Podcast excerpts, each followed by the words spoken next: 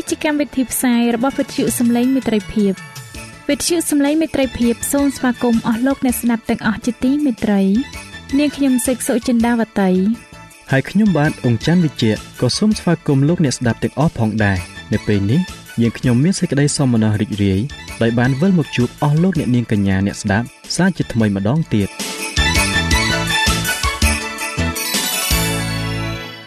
នាងខ្ញុំសេកសុចិន្តាវតី សូមជម្រាបជូនកម្មវិធីផ្សាយដែលមានជាបន្តបន្ទាប់ដូចតទៅនេតិជួបជាមួយព្រះបន្ទូលនេតិសុខភាពចា៎លោកអ្នកស្ដាប់ជាទីមេត្រី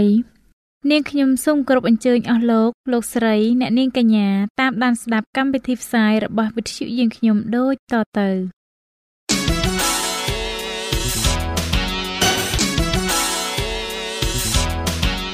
នេតិ ជួបជាមួយព្រះបន្ទូល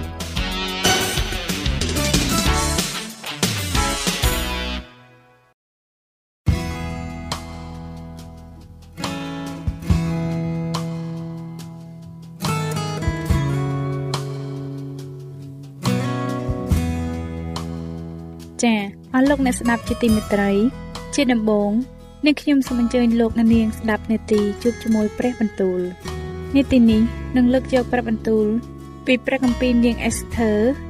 ដែលនឹងជម្រាបជូនដល់លោកអង្ចាន់វិជ្ជៈដូចតទៅ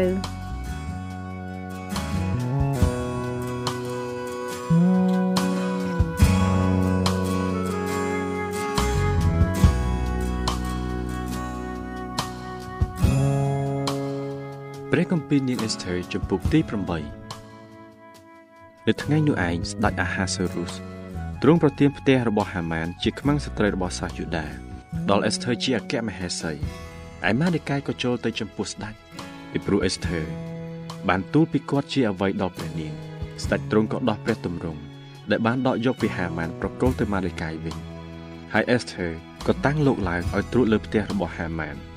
អេសធើក៏ទូលនៅចំពោះស្ដេចម្ដងទៀតដោយក្រាក់នៅទីព្រះបាទទ្រង់អង្វរទាំងទឹកភ្នែកឲ្យទ្រង់លើកចោលការអាក្រក់របស់ហាម៉ាន ជាសះអាកាត់ព្រមទាំងអូបាយដែលវាបានបង្កើតទាស់នឹងពួកយូដាខណៈនោះស្ដេចទ្រង់ក៏ហុចព្រះដំបងមាសដល់អេសធើ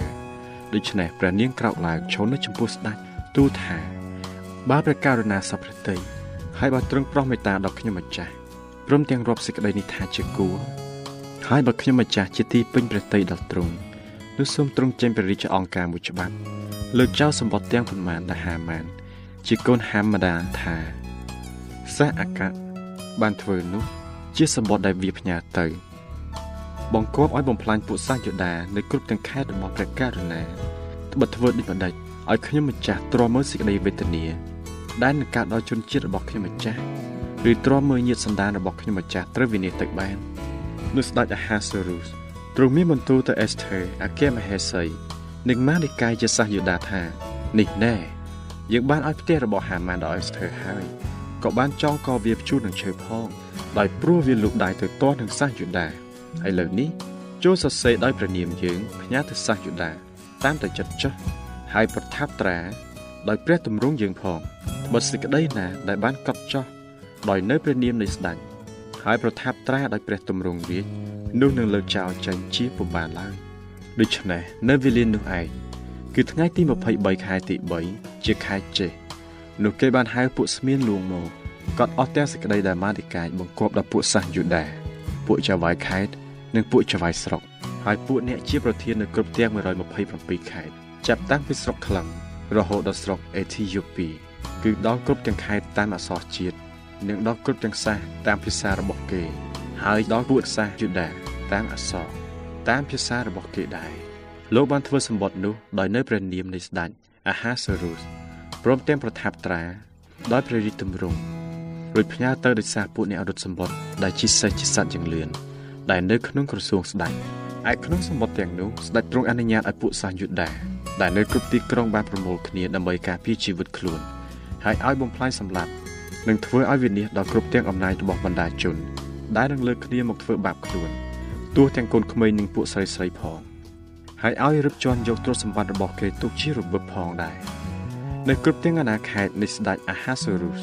ក្នុងថ្ងៃទី1នោះឯងគឺជាថ្ងៃទី13ខែ12ដែលជាខែផល្គុនសម្បត្តិទាំងនោះបានចម្លងព្រះរាជអង្គការ ដែលត្រូវប្រកាសប្រាប់ដល់គ្រប់ទាំងសាសនៅអស់ទាំងខេត្តផងថាពួកសាសយូដាត្រូវប្រំព្រៀបនឹងសងសឹកដល់ពួកខ្មាំងសត្រូវរបស់ខ្លួននៅថ្ងៃនោះឯងដូច្នេះពួកអ្នករត់សម្បត្តិទាំងនោះដែលជាសេះយ៉ាងលឿនជាសัตว์ដែលប្រើនៅក្នុងក្រសួងនេះស្ដេចគេរស់រាន់ចេញទៅដោយប្រញាប់ប្រញាល់ មានទាំងបង្គាប់ស្ដេចបង្ខំផងហើយព្រះរាជអង្គការនោះក៏បានផ្សាយចេញទៅនៅត្រង់ស៊ូសាន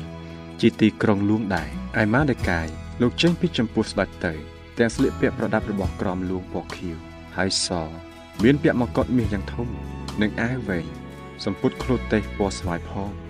នៅពួកអ្នកក្រុងស៊ូសានក៏ស្រែកឡើងដោយអំណរដូច្នេះពួកសាយូដា គេមានចិត្តជ្រះថ្លារីករាយសប្បាយព្រមទាំងមានសេចក្តីថ្កុំថ្កើងផង ហើយនៅគ្រប់ទាំងខេត្តនិងទីក្រុង នៅកន្លែងណា ដែលបានប្រកាសប្រាប់ព្រះរាជអង្គការនិងបង្គាប់របស់ស្ដេចនោះពួកសាសយូដាក៏មានសេចក្តីរីករាយសាទរព្រមទាំងជប់លៀងហើយមានថ្ងៃសប្បាយមានពួកសាសដតីជាច្រើន ដែលនៅក្នុងស្រុកបានចូលជាតិជាសាសយូដាដោយកើតមានសេចក្តីកោតខ្លាចដល់គេព្រះគម្ពីរនាងអេសធើជំពូកទី9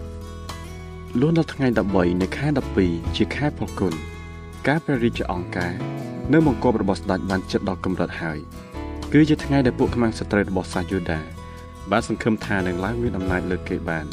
តែពួកយូដាបានត្រឡប់ជាមានអំណាចលើពួកអ្នកដែលស្អប់ដល់គេវិញនោះពួកសាសយូដាក៏មូលគ្នា នៅទីក្រុងខ្លួនទាំងប៉ុន្មាននៅអស់ទាំងអាណាខេត្តរបស់ស្ដេចអាហាសេរុសដើម្បីនឹងតស៊ូចំពោះពួកអ្នកដែលរកធ្វើបាបដល់គេហើយគ្មានអ្នកណា អាចនឹងទ្រាំនៅចំពោះគេបានឡើយត្បិតសាសទាំងអស់បានកើតមានសេចក្តីកោតខ្លាចដល់គេហើយឯពួកអ្នកជាប្រធាននៅគ្រប់ទាំងខេត្តពួកចៅហ្វាយខេត្តពួកចៅហ្វាយស្រុកនិងពួករាជការទាំងប៉ុន្មានក៏ជួយដល់ពួកយូដាដោយមានសេចក្តីកោតខ្លាចដល់ម៉ាដេកាយពីព្រោះម៉ាដេកាយបានឡើងជាអ្នកធំក្នុងព្រះរាជដំណាក់ហើយគិតទៅនាមលោកក៏ផ្សាយសោះសាយទូទៅគ្រប់ទាំងខេត្តត្បិតម៉ាដេកាយនេះបានកាន់តែមានអំណាចឡើងជាដរាបដូច្នេះ ពួកសាសយូដាបានប្រហារពួកខ្មាំងសត្រូវដោយដែរព្រមទាំងសម្លាប់បំផ្លាញគេ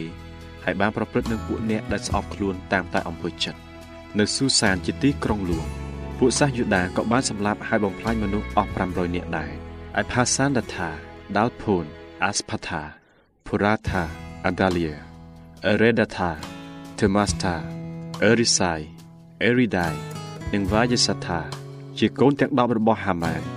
កូនហាម៉ាឌៀថា ដែលជាខ្មាំងសត្រូវនឹងពួកសាសយូដានោះក៏គេសម្លាប់ទៅដែរតែគេមិនបានប៉ះពាល់ដល់របបទេ នៅថ្ងៃនោះឯងគេមកទូលដល់ស្ដេចពីចំនួនមនុស្សដែលគេបានសម្លាប់នៅក្នុងស៊ូសាន ជាក្រុងលួងរួចស្ដេចទ្រង់មានបន្ទូលអេសធើជាអគ្គមហេសីថាពួកសាសយូដាបានសម្លាប់និងបំផ្លាញមនុស្សអស់500នាក់នៅស៊ូសាន ជាក្រុងលួងព្រមទាំងកូនរបស់ហាម៉ានទាំង10ផងដូច្នេះនៅព្រះរាជខេត្តឯទៀតគេបានធ្វើយ៉ាងណាទៅឥឡូវនេះតើព្រះនាងចង់សុំអ្វីទៀត យើងនឹងបើកឲ្យតើប្រាថ្នាចង់បានអ្វីនោះនឹងបានសម្រេចអេសធើទូលថាបើព្រះករុណាទ្រង់សពព្រះតីនោះសូមបើកឲ្យពួកយូដាដែលនៅក្រុងស៊ូសានបានធ្វើតាមច្បាប់ដដែលនៅថ្ងៃស្អែកទៀតហើយឲ្យគេព្យួរខ្មោចកូនរបស់ហាម៉ាទាំង10នាក់នៅនឹងឈើទៅស្ដេចទ្រង់ក៏បង្គាប់ឲ្យធ្វើដូច្នោះហើយគេប្រកាសប្រាប់ព្រះរាជអង្គការនៅស្រុកស៊ូសានរួចបានព្យួរខ្មោចកូនហាម៉ានទាំង10នាក់នោះទៅពួកសាសយូដាដែលនៅក្រុងស៊ូសានក៏មូលគ្នានៅថ្ងៃ14 ខែផលគុណនោះឯងហើយគេសម្លាប់មនុស្ស300នាក់ទៀតនៅស៊ូសាន តែគេមិនបានប៉ះពាល់ដល់របបទេឯពួកយូដាឯទៀតទាំងប៉ុន្មានដែលនៅអស់ទាំងព្រះរាជខេត្តគេបានមូលគ្នាដើម្បីការពារជីវិតខ្លួនហើយគេមានសេចក្តីសានត្រានពីពួកខ្មាំងសត្រូវរបស់គេតទៅគេបានសម្លាប់ពួកអ្នកដែលស្អប់គេអស់75000នាក់តែអាចបានប៉ះពាល់ដល់របបទេ គេបានធ្វើការនោះនៅថ្ងៃ13ខែផល្គុនលូតដល់ថ្ងៃ14ទើបគេឈប់សម្រាក ហើយក៏តាំងថ្ងៃនោះជាថ្ងៃសម្រាប់ជប់លៀងហើយមានសេចក្តីរីករាយសាទរតែពួកសាសយូដាដែលនៅក្រុងស៊ូសាន គេបានមូលគ្នានៅថ្ងៃ13ក្នុងខែនោះនិងនៅថ្ងៃ14ដែរលួនដល់ថ្ងៃទី15ទើបគេជប់សម្រាកហើយតាំងថ្ងៃនោះឡើងសម្រាប់ជាថ្ងៃជប់លៀងហើយមានសេចក្តីរីករាយសាទរគឺដោយហេតុនោះបានជាពួកសាសយូដាដែលនៅអស់ទាំងទីក្រុងឥតកំផែងនៅស្រុកក្រៅគេកាន់ថ្ងៃ14ខែផល្គុនជាថ្ងៃសម្រាប់រីករាយសាទរហើយជប់លៀងជាថ្ងៃសប្បាយ ហើយជាពេលជូនជំនូនទៅវិញទៅមកឯម៉ាដេកាយលោកក៏តែងសេចក្តីទាំងនេះទុកហើយផ្ញើសម្បត្តិទៅដល់ពួកសាសយូដាទាំងអស់ដែលនៅគ្រប់ទាំងសាសនៃស្ដេចអាហាសេរុ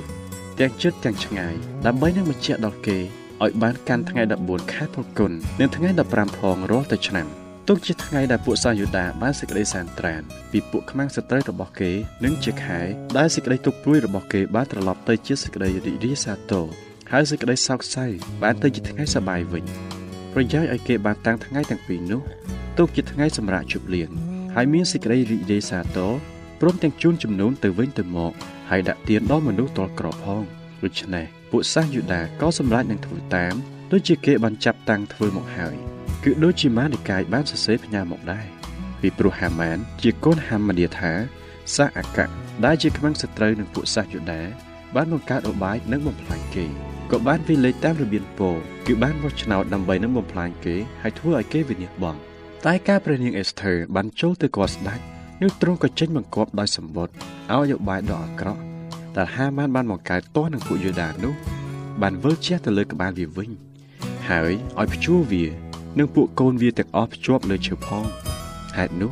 បានជាគេហៅថ្ងៃទាំងពីរនោះថាបនពោតាមពាក្យពោនោះឯងហើយដោយព្រោះសេចក្តីទាំងប៉ុន្មានក្នុងសម្បត្តិនោះ និងការទាំងប៉ុន្មានដែលគេបានឃើញពីដំណើរនោះព្រមទាំងការដែលបានកើតដល់គេផងបានជាពួកសាសយូដាគេតាំងទំនៀមនោះទុកហើយក៏សួរថាខ្លួនគេពួកកូនចៅនិងអស់អ្នកណាដែលចូលសាសគេនឹងរក្សាថ្ងៃទាំងពីរនោះតាមសេចក្តីដែលបានសរសេរទុកហើយតាមវេលាកំណត់នោះរាល់តែឆ្នាំឥតខានឡើយហើយថា គេនឹងនឹកចាំហើយរក្សាថ្ងៃទាំងពីរនោះនៅគ្រប់ទាំងដំណរ គ្រប់ទាំងគ្រួនៅអស់ទាំងខេត្តនិងទីក្រុងទាំងប៉ុន្មានជាដរាបទៅមិនឲ្យបាត់ពីពួកសាសយូដាឡើយឬឲ្យកូនចៅគេលែងនឹកចាំពីថ្ងៃនោះដែរគ្រានោះអេសធើដ៏ជាអគ្គមហេសីជាបុត្រីអាប៊ីហែលព្រមទាំងម៉ានីកាយជាសាសយូដាក៏សរសេរម្ដងទៀតផ្ញើទៅដោយអាងគ្រប់អំណាចរបស់ខ្លួន ដើម្បីនឹងតាំងសម្បត្តិពីបនពោនោះទោះជាច្បាប់តទៅលោកក៏ផ្ញើសម្បត្តិទៅពួកសាសយូដាទាំងអស់ ដែលនៅក្នុងអាណាខេត្តទាំង127នៃនគររបស់អាហាសេរុសមានទាំងពាក្យស្រគត់ស្រគំ និងពាក្យដ៏ទៀងត្រង់ពុតផងដើម្បីនឹងបញ្ជាក់ថ្ងៃបុណ្យពោនៅវេលាកំណត់ដូចជាម៉ាដេកាយជាសាសយូដា និងអេសធើអាកេមហេសីបានតាំងឡើងដល់គេហើយដូចជាគេក៏បានតាំងឡើងសម្រាប់ខ្លួនគេ និងកូនចៅគេតទៅទៀតខាងឯដំណើរការតបអត់នឹងអំពាវនាវរបស់គេដែរដូច្នេះក្រិតរបស់ព្រះ នាងអេសធើបានបញ្ជាក់ពីរបៀបបនពោនោះហើយក្រិតនោះក៏បានកត់ទុកចោះក្នុងសិភៅព្រះគម្ពីរនាងអេសធើចំពុះទី10ឯស្ដេចអាហាសេរុទ្រង់ដាក់ឲ្យមានពន្ធដារដល់ពួកអ្នកស្រុកនិងពួកដែលនៅកោះសមុទ្រទាំងប៉ុន្មានរីឯអស់ទាំងកិច្ចការនៃព្រះជាស្ដានិងអត្តរិទ្ធរបស់ទ្រង់ព្រមទាំងរៀនសពគ្រប់ពិសយុះរបស់ម៉ានិកាយដែលស្ដេចបានតាំងលោកឡើងដល់ថ្នាក់ណា នោះសុទ្ធតែបានកត់ទុកក្នុងសិភៅរបាយខ្សែរបស់ពួកស្ដេចសាសមេឌីនិងសាសពឺស៊ីហើយត្បិតម៉ានិកាយជាសាសយូដាលោកជាអ្នកបន្ទាប់នឹងស្ដេចអាហាសេរុសនោះឯងហើយក៏ជាអ្នកធំក្នុងពួកសាសយូដាព្រមទាំងមានពួកបងប្អូនលោកយ៉ាងសន្ធឹករាប់អានផងដោយលោករកតែសេចក្តីល្អដល់សាសរបស់ខ្លួន ហើយនិយាយជាពាក្យស្រគត់ស្រគំដល់ជាតិផង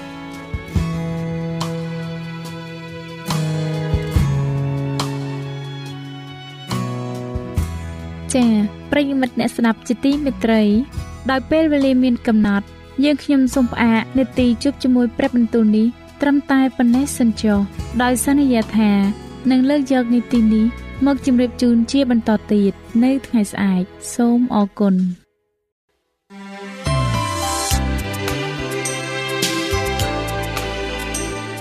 វិទ្យុសំឡេងមេត្រីភាព AWR នាំមកជូនលោកអ្នក នៅសារនៃសេចក្តីស្រឡាញ់ពីព្រះអង្គម្ចាស់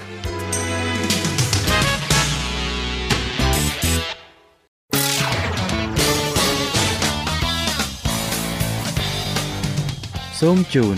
នីតិសុខភាព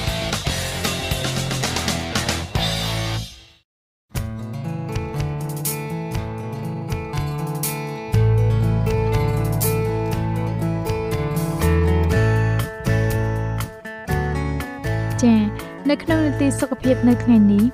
នាងខ្ញុំសូមគោរពអញ្ជើញអស់លោកអ្នកនាងតាមដានស្ដាប់មេរៀនសុខភាពដែលនឹងជម្រាបជូនដោយកញ្ញាឌីណាដូចតទៅ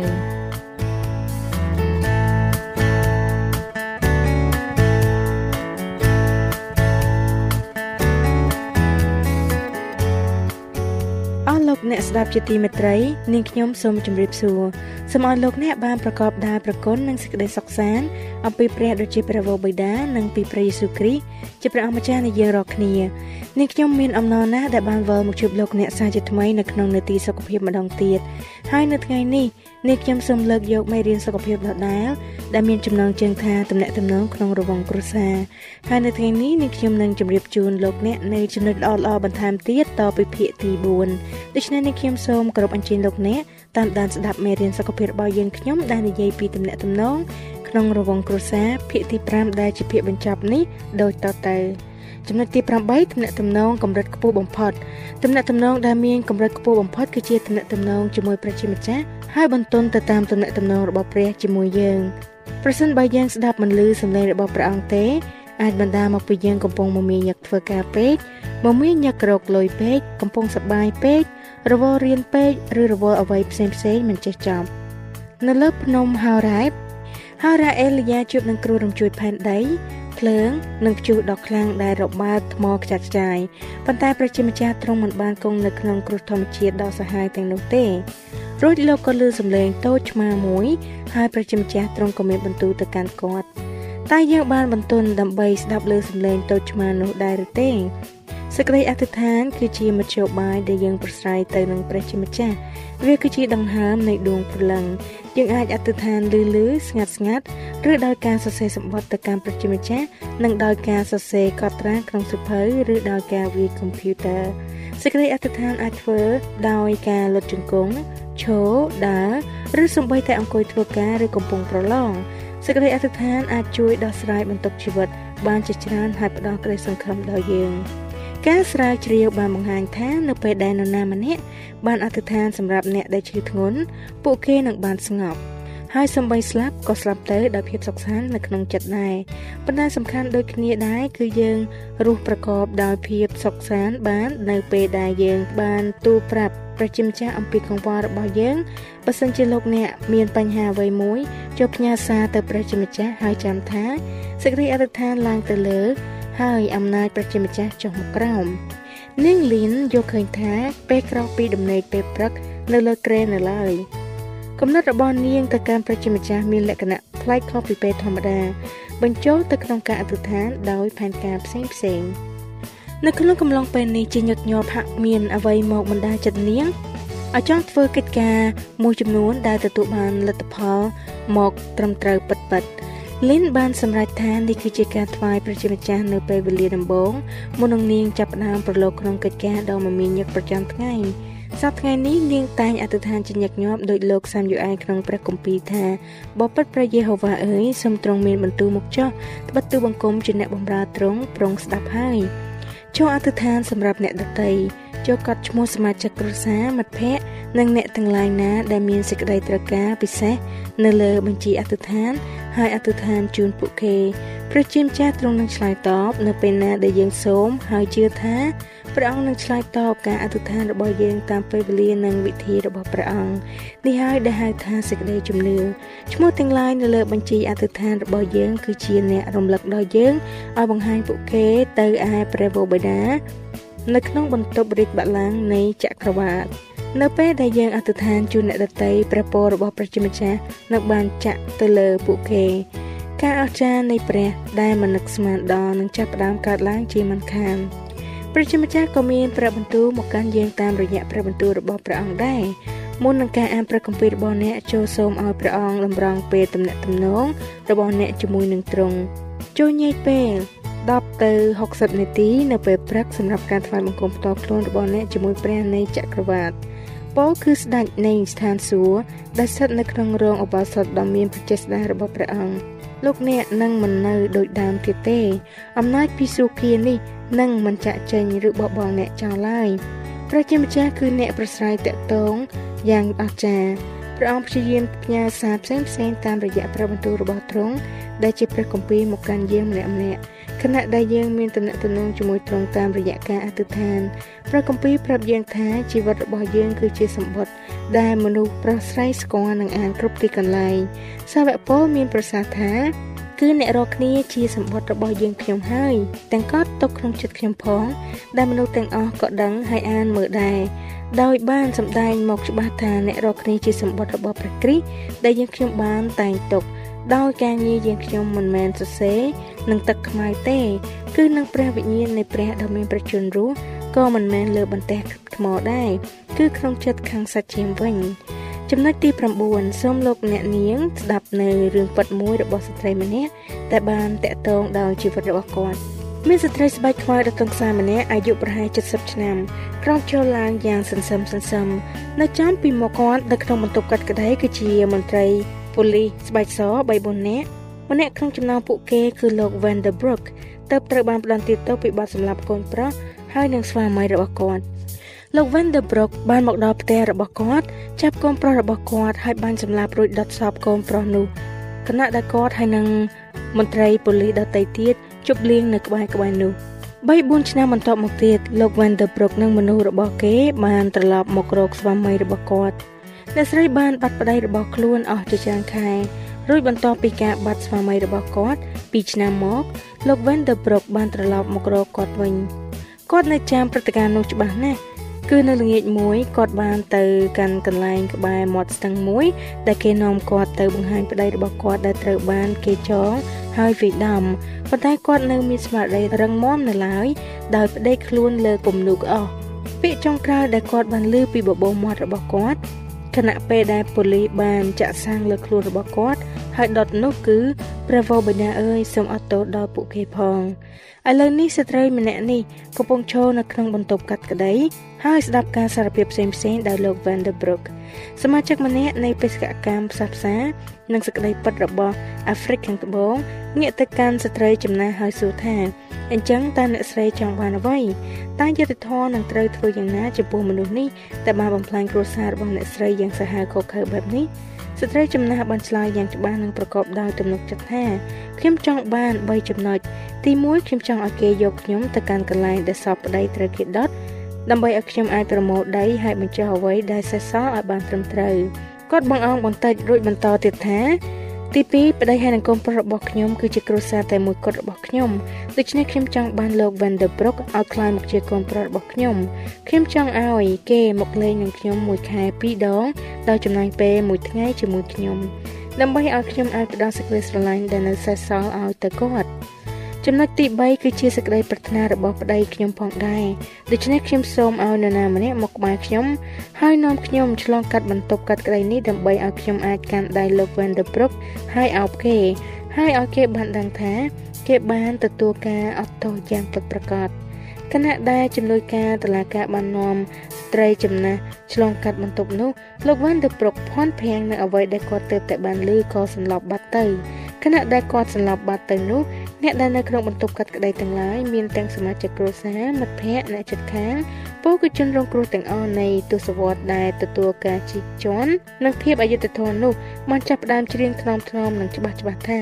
ព្រះគុណអស្ចារ្យជាសព្វពីរោះដែលប្រោសមនុស្សយ៉ាងដូចខ្ញុំចាសសូមលោកអ្នកអធិដ្ឋានសម្រាប់សេចក្តីនេះអោព្រះម្ចាស់អើយទូបង្គំសូមអរព្រគុណព្រះអង្គដែលព្រះអង្គបានឈោងមកប្រស្រ័យតេតង ជាមួយទូបង្គំហើយឲ្យទូបង្គំមានឱកាសតេតងជាមួយព្រះអង្គតាមរយៈការអធិដ្ឋានសូមព្រះអង្គបង្រៀនទូបង្គំឲ្យកាន់តែចេះប្រស្រ័យតេតងប្រកបដោយសេចក្តីស្រឡាញ់និងមានអារម្មណ៍វិជ្ជមានចំពោះអ្នកដទៃទាំងឡាយសូមព្រះអង្គមានព្រះបន្ទូលមកកាន់ទូបង្គំតាមរយៈព្រះបន្ទូលព្រះអង្គនិងដឹកនាំទូបង្គំរៀងរាល់ថ្ងៃ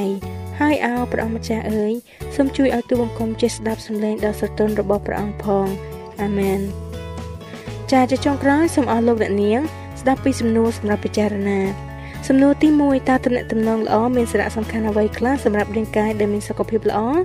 សំណួរទី2តើលោកអ្នកមានអារម្មណ៍យ៉ាងណាចំពោះភាពខុសគ្នាដ៏ធំរវាងការចំណាយពេលរៀងរាល់ថ្ងៃជាមួយប្រព័ន្ធផ្សព្វផ្សាយនិងគ្រឿងអេឡិចត្រូនិកនិងការចំណាយពេលប្រស័យតាក់ទងដ៏មានប្រយោជន៍ជាមួយគ្រួសារឬចំណាយពេលជាមួយព្រះជាម្ចាស់តាមរយៈការអធិដ្ឋាននិងសិក្សាព្រះបន្ទូលនោះ សំណួរទី3តើឪពុកម្ដាយអាចនិយាយប្រកបដោយសេចក្តីស្រឡាញ់យ៉ាងដូចម្ដេចដើម្បីជួយឲ្យកូនជំទង់ជំទង់ដឹងនៅសារៈសំខាន់នៃការមានពេលវេលាផ្ទាល់ខ្លួនដើម្បីតាក់ទងជាមួយគ្រួសារនិងជាមួយប្រជាម្ចាស់សំណួរទី4ចូលរកនឹកនៅពេលណាមួយដែលលោកអ្នកមានទំនាក់ទំនងទៅវិញទៅមកយ៉ាងមានន័យរវាងគ្រួសាររបស់លោកអ្នកហើយនិងប្រជាម្ចាស់និងរវាងប្រជាម្ចាស់និងគ្រួសាររបស់លោកអ្នកសំណួរទី5ចូលរកនឹកពេលវេលាណាមួយដែលប្រជាម្ចាស់ថងបានជួយលោកអ្នក ឲ្យនិយាយនៅពាក្យសម្ដីដែលជួយដោះស្រាយវិបត្តិហើយបានលើកទឹកចិត្តដល់នរណាម្នាក់សំណួរទី6ចូលធ្វើការឆ្លុះបញ្ចាំងទៅលើពេលវេលាណាមួយដែលលោកអ្នកមានទំនាក់ទំនងជាមួយប្រជាម្ចាស់ហើយស្រាប់តែមានអ្វីពិសេសបានកើតឡើងភ្លាមភ្លាមឬមិនយូរប៉ុន្មានបន្ទាប់ពីនោះចាសំណួរសម្រាប់ការឆ្លុះបញ្ចាំងផ្ទាល់ខ្លួនសំណួរទី1តើខ្ញុំអាចប្រស័យតាក់ទងទៅកាន់អ្នកដទៃដោយសេចក្តីស្រឡាញ់ ដោយដែលប្រជាម្ចាស់ទ្រង់បានតាក់ទងមកខ្ញុំដោយវិធីណាទៅសំណួរទី2តើទំនាក់ទំនងល្អនិងអាក្រក់មានផលប៉ះពាល់ដល់សុខភាពរូបកាយនិងអារម្មណ៍របស់ខ្ញុំយ៉ាងដូចម្តេចខ្លះសំណួរទី3តើការផ្លាស់ប្ដូរអ្វីខ្លះដែលចាំបាច់ត្រូវតែធ្វើឡើងដើម្បីលើកស្ទួយឲ្យទំនាក់ទំនងរបស់ខ្ញុំជាមួយអ្នកដទៃកាន់តែប្រសើរឡើង សំណួរទី4តើនរណាខ្លះត្រូវការខ្ញុំឲ្យស្ដាប់ពួកគេសំណួរទី5តើខ្ញុំត្រូវប្រាប់កូនៗរបស់ខ្ញុំអំពីអតុល្យភាពនៃការប្រើប្រាស់គ្រឿងអេឡិចត្រូនិកនៅក្នុងជីវិតរបស់ពួកគេឬទេតើធ្វើយ៉ាងណាខ្ញុំអាចនិយាយពីកង្វល់របស់ខ្ញុំប្រកបដោយភាពប៉ិនប្រសប់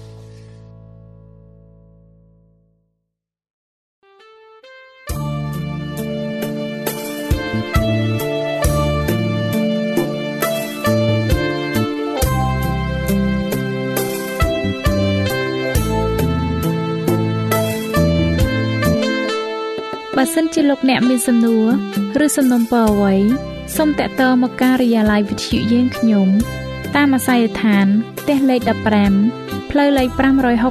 568សង្កាត់បឹងកក់2ខណ្ឌទួលគោករាជធានីភ្នំពេញលោកអ្នកក៏អាចសរសេរសម្បត្តិផ្ញើមកយើងខ្ញុំ តាមរយៈប្រអប់សម្បត្តិលេខ488ភ្នំពេញឬតាមទូរស័ព្ទលេខ012 34 96 64ឬ097 80 81 060ឬក៏តាមរយៈអ៊ីមែល vol@awr.org យើងខ្ញុំរងចាំទទួលស្វាគមន៍អស់លោកអ្នកនាងដោយក្តីសោមនស្សរីករាយហើយលោកអ្នកក៏អាចស្ដាប់កម្មវិធីនេះឡើងវិញដោយចូលទៅកាន់ website របស់វិទ្យុយើងខ្ញុំតាមរយៈអាស័យដ្ឋាន www.awr.org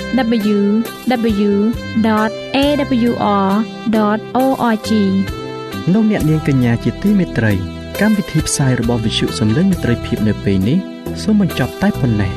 យើងខ្ញុំសូមអរគុណចំពោះការតាមដានស្ដាប់របស់អស់លោកអ្នកតាំងពីដើមរហូតដល់ចប់យើងខ្ញុំសូមជូនពរឲ្យអស់លោកអ្នកនាងកញ្ញាទាំងអស់